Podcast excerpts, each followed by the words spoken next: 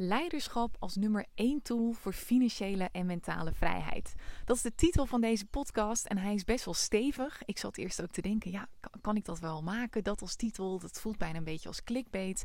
Maar toen dacht ik, nee, ik geloof namelijk oprecht dat leiderschap de nummer één tool is en nog veel meer gaat worden om mentale en financiële vrijheid uh, te creëren. Dus ik dacht, ik laat hem gewoon zo staan. Ik had er net ook al een post op ge, uh, over geschreven op mijn uh, Instagram-account, Tineke laagstreepje zwart. Maar daar heb je altijd maar heel weinig tekens. Ik ben altijd gewoon lang van stof. Dus ik dacht, ik kan hier maar gewoon een deel van mijn boodschap kwijt over dat stukje leiderschap en hoe belangrijk het is en ook nog gaat worden. Dus ik dacht, ik maak er meteen even een podcast over. Ik zit ondertussen lekker buiten op het balkon. Ik ben deze hele week vrij.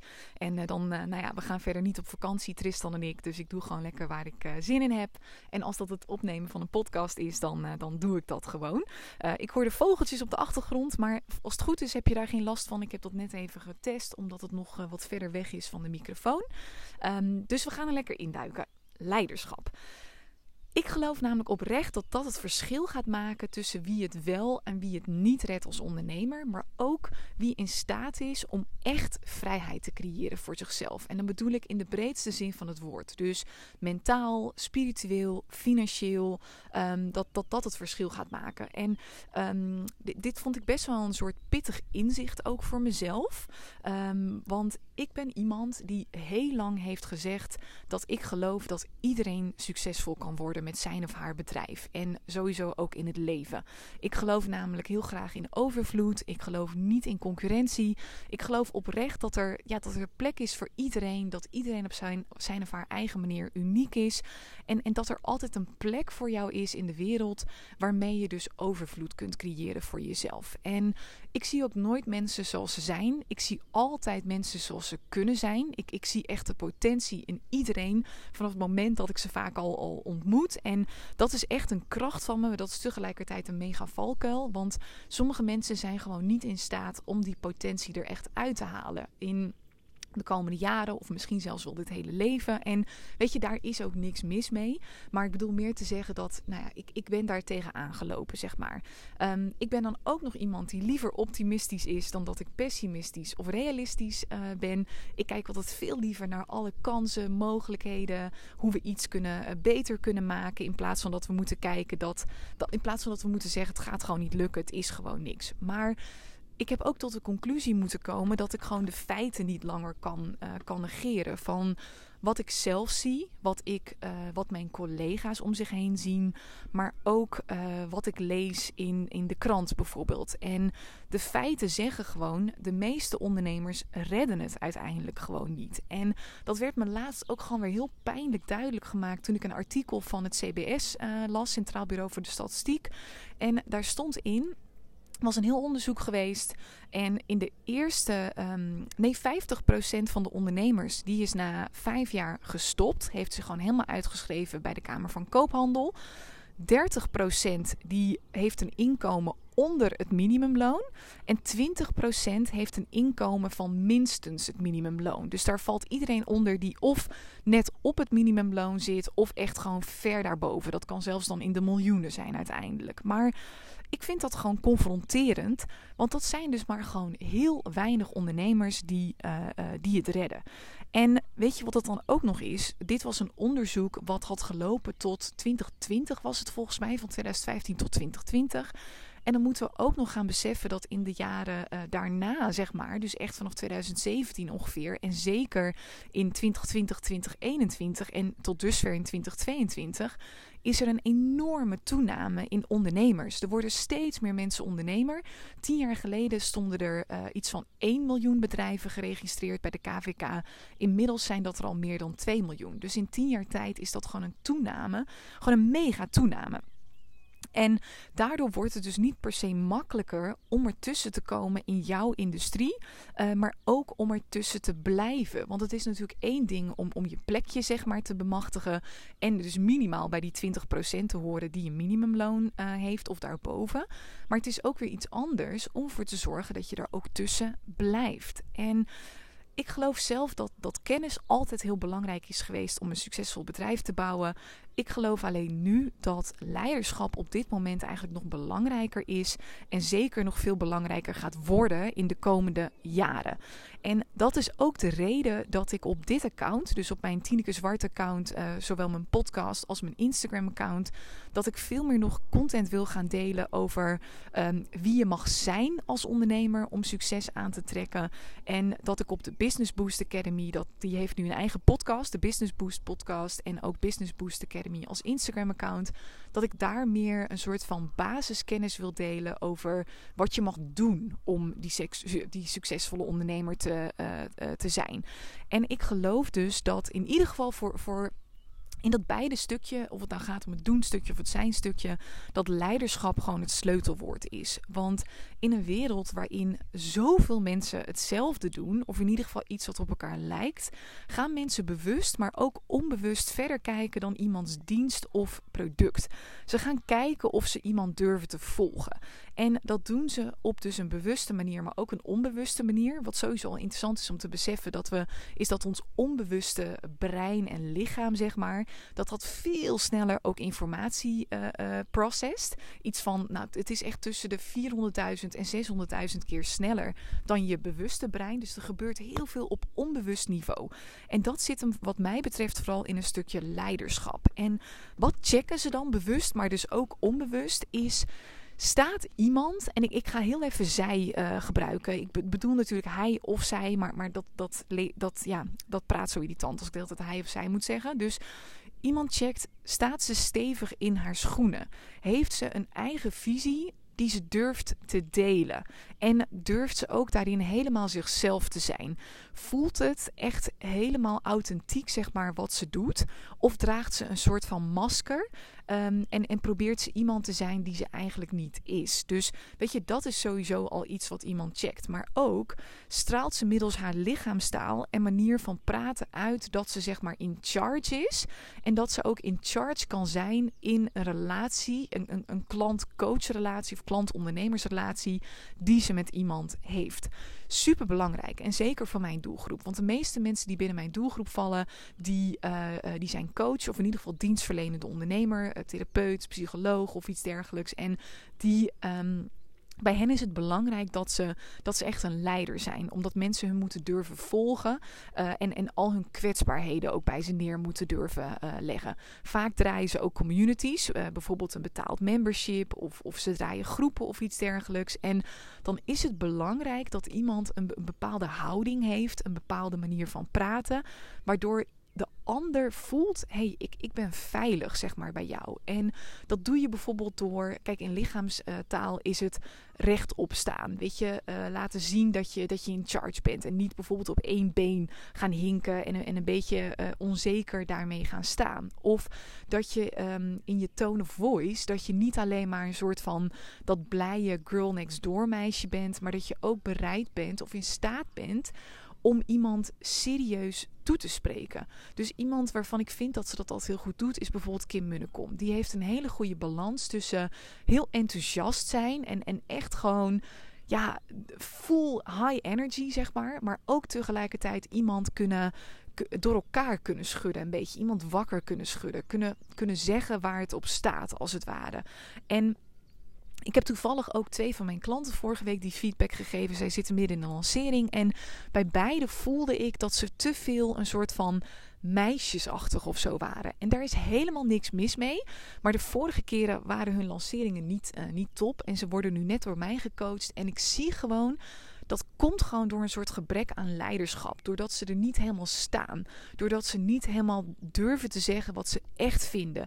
Doordat ze te veel nog aan het, aan het giechelen zijn. Te veel dat, dat brave lachje als het ware nog op hun gezicht uh, hebben. En uh, weet je, dus besef heel goed dat lichaamshouding, tone of voice, dat dat heel belangrijk is. Let er maar eens op bij de mensen die jij graag durft te volgen.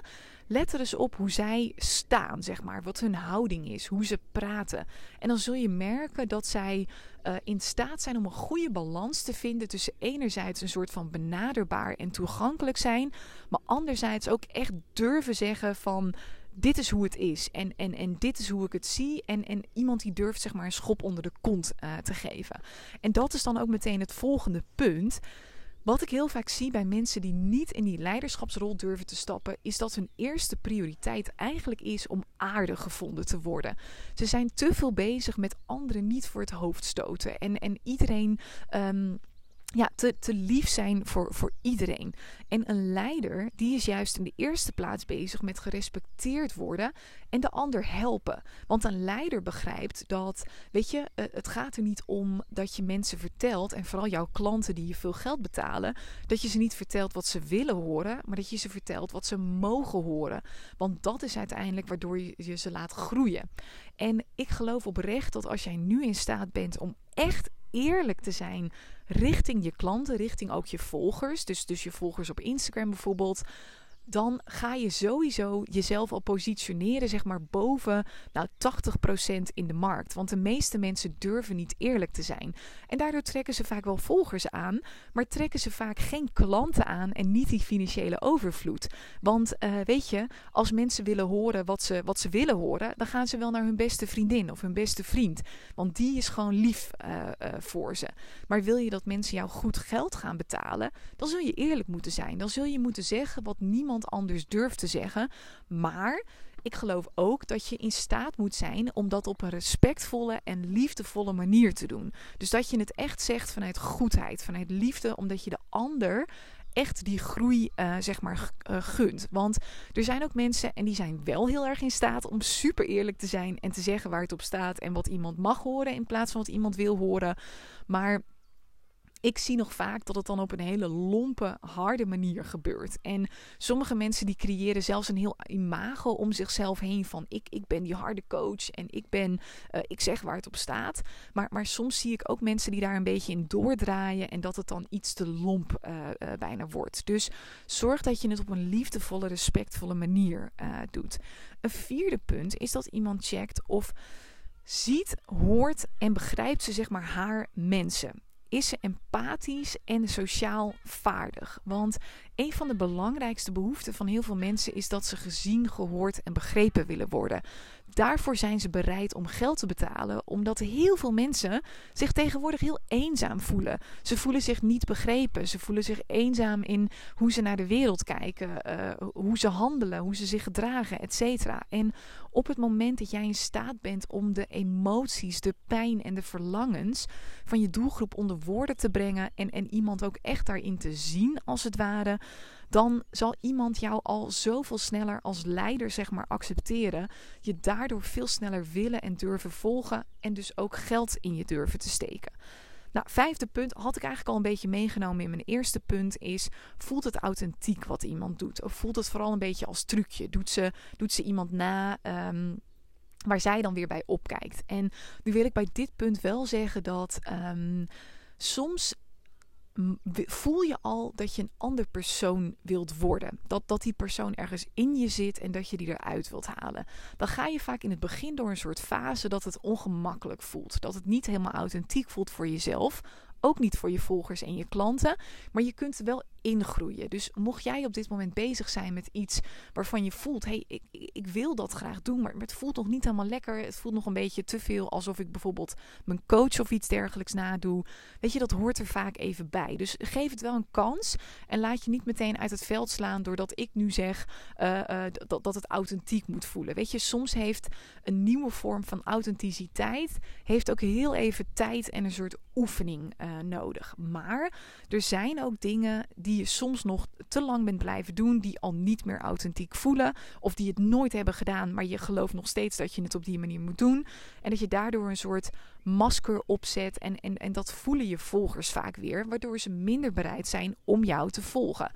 Een zesde punt is is ze in staat om een veilige sfeer te creëren in haar communities. En dan bedoel ik allerlei soorten communities. Hè? Dus als je groepen coacht, is de sfeer veilig daar. Als je een Instagram-account hebt, is de sfeer veilig uh, uh, daar. En is iemand ook in staat om direct in te grijpen op het moment dat het even niet veilig wordt.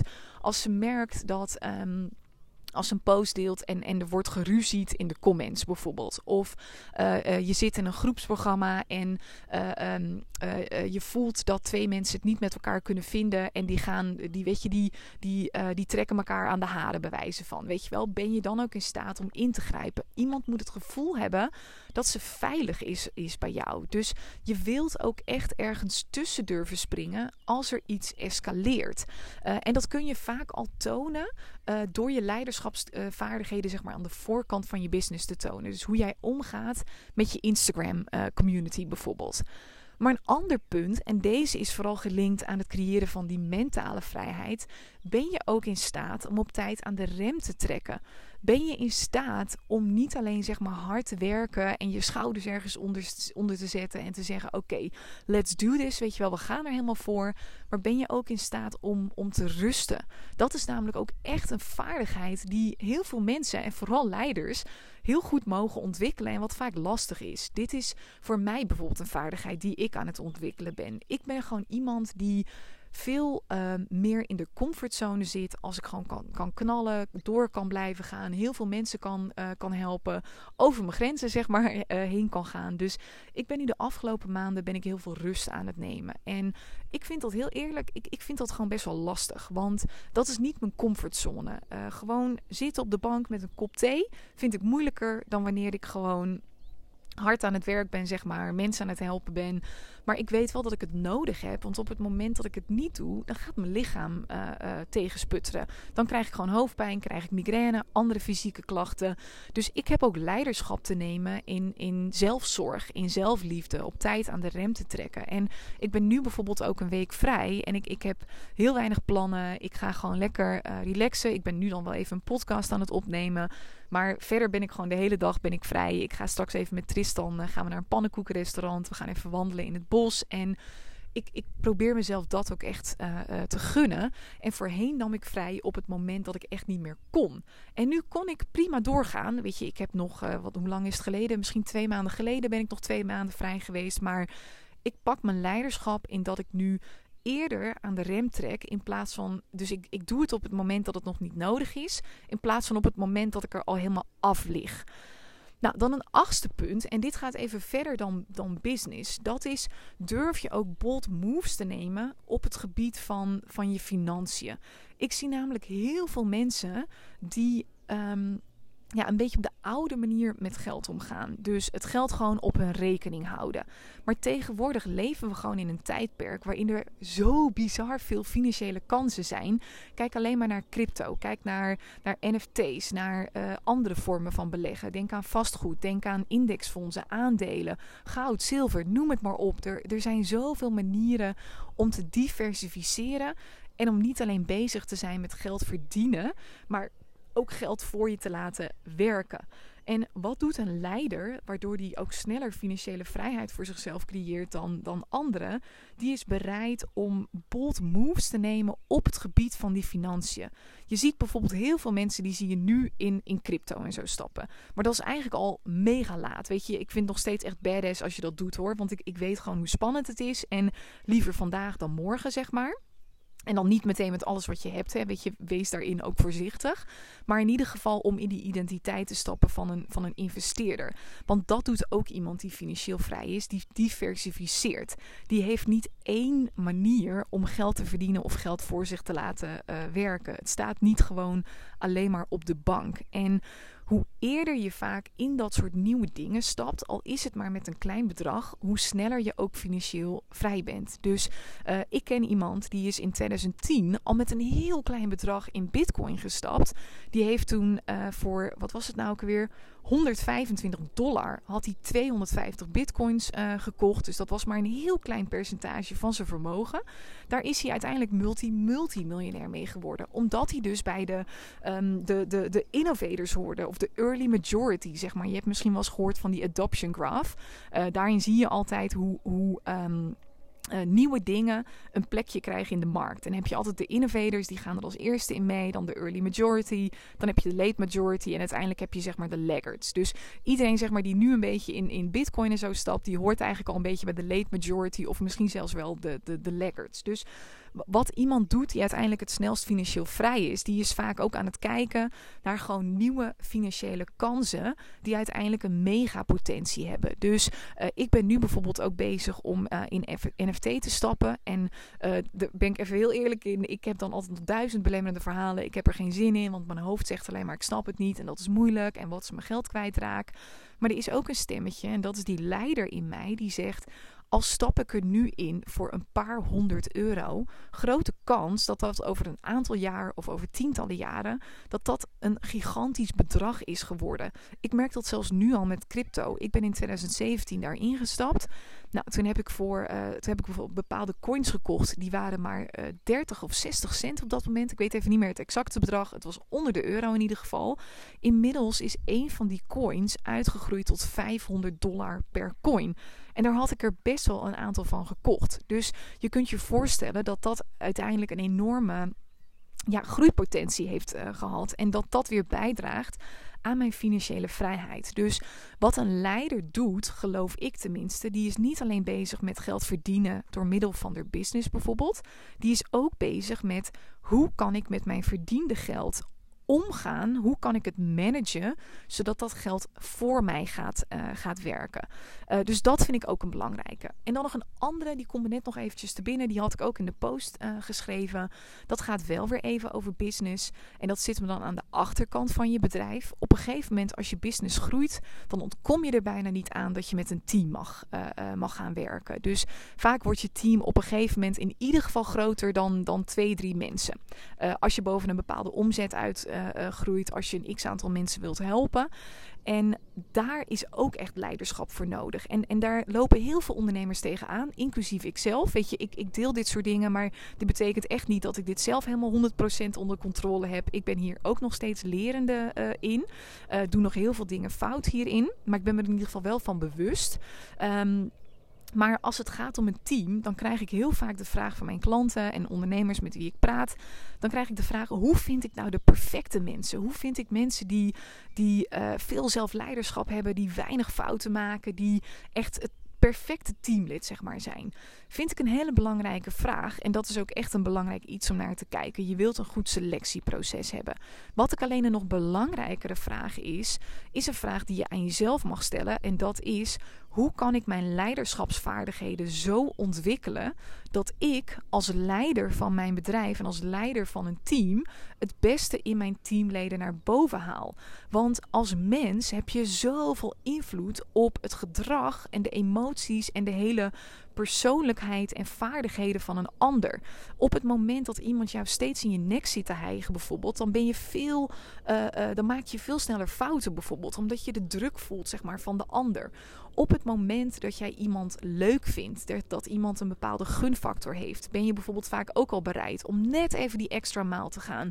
Um, ben je, uh, zit je lekker in je vel, krijg je vaak complimenten uh, op het werk wat je doet, ben je ook vaak minder geneigd om snel weer om, om fouten te maken. Dus ik zorg er zelf ook voor, zoveel mogelijk, en, en daarin maak ik echt nog heel veel fouten, dat ik de persoon ben waar mijn teamleden graag voor werken, voor wie ze net even dat extra stapje uh, willen zetten, uh, door wie ze zich niet onder druk gezet voelen, maar die ze ook helpt om, uh, om zichzelf te ontwikkelen. Dus ik probeer zeg maar de juiste balans te vinden tussen iemand zien als ze iets goed doen, complimenten te geven, mijn waardering te, te laten blijken, maar tegelijkertijd ook iemand feedback te geven. En dan er op tijd bij te zijn. Dus niet vanuit boosheid en frustratie en Jezus, wat een domme fout. En hoe kon je dit nou, uh, dit nou niet, niet zien, weet je wel? Of hoe kon je dit nou fout doen?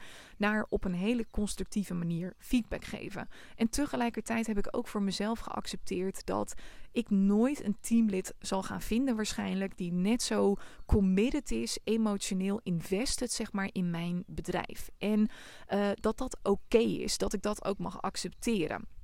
Dus weet je, dat, dat stelt mijn verwachtingen ook alweer bij, waardoor ik op een betere, relaxtere manier ook weer constructieve feedback kan geven op het moment dat iemand iets doet waarvan ik denk, mm, nou, dat vind ik niet helemaal fijn dat het zo gaat, of dit was gewoon echt een, een, een fout. Dus leiderschap um, wordt echt steeds belangrijker, is al super belangrijk. Leiderschap over jezelf. Ben je in staat om om jezelf onder controle te houden, als het ware. Met je emoties, met je, met je onhandige gedragspatronen.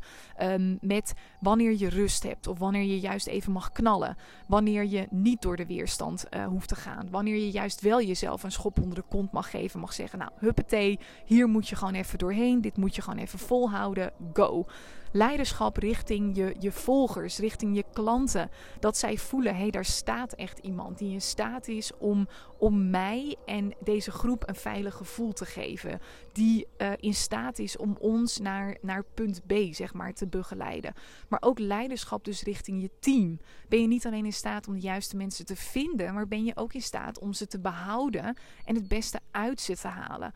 Op het moment dat je op die drie vlakken leiderschap uh, uh, kunt tonen en dat het gewoon echt on point is, dan, ja, dan is het gewoon inevitable, zeg maar, dat je, dat je een succesvol bedrijf bouwt. En dat je dus ook die financiële, maar ook mentale vrijheid voor jezelf weet te creëren. Dus leiderschap is wat mij betreft echt het sleutelwoord om mentaal, financieel en uiteindelijk ook spiritueel vrij te zijn. Ik hoop dat, je, dat dit iets in je heeft losgemaakt. Maar ik gok van wel, anders had je, was je vast al gestopt met, uh, met luisteren.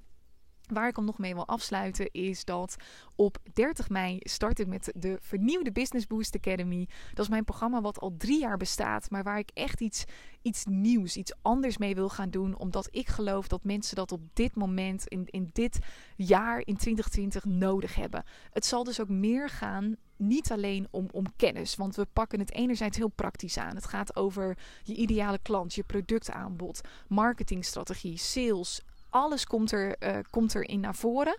Maar het gaat ook over leiderschap. Wie heb jij te zijn als ondernemer om in charge te zijn over jezelf, over je volgers, je klanten, je teamleden, noem het maar op. Het komt er allemaal in terug omdat het zo ongelooflijk belangrijk is geworden en steeds belangrijker gaat worden.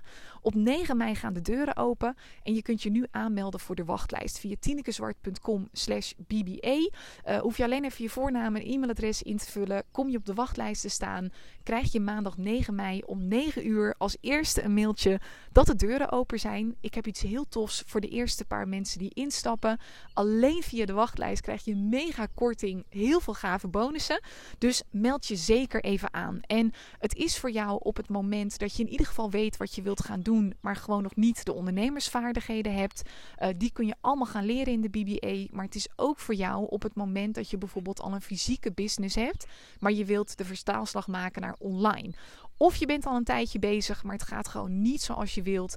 En je wilt gewoon echt naar die next level groeien. Je zit nu bijvoorbeeld op misschien 1500 of 2000 euro omzet per maand. Je zit nog onder dat minimum uh, inkomen. Um, je zit nog bij die 30%, zeg maar. En je wilt naar veel meer doorgroeien. Omdat je gewoon een, een impactmaker bent. Omdat je meer wilt. Omdat je gewoon wilt groeien. Dus dan is het ook voor jou. Dus, dus er zijn eigenlijk een beetje drie doelgroepen voor die BBA. Dus tinekezwart.com slash BBA. Meld je even aan. En dan krijg je volgende week als allereerste de informatie. Hey, mega thanks voor het luisteren. Ik ga lekker genieten van de zon nog eventjes. Het is prachtig weer. En ik wens jou nog een hele fijne dag.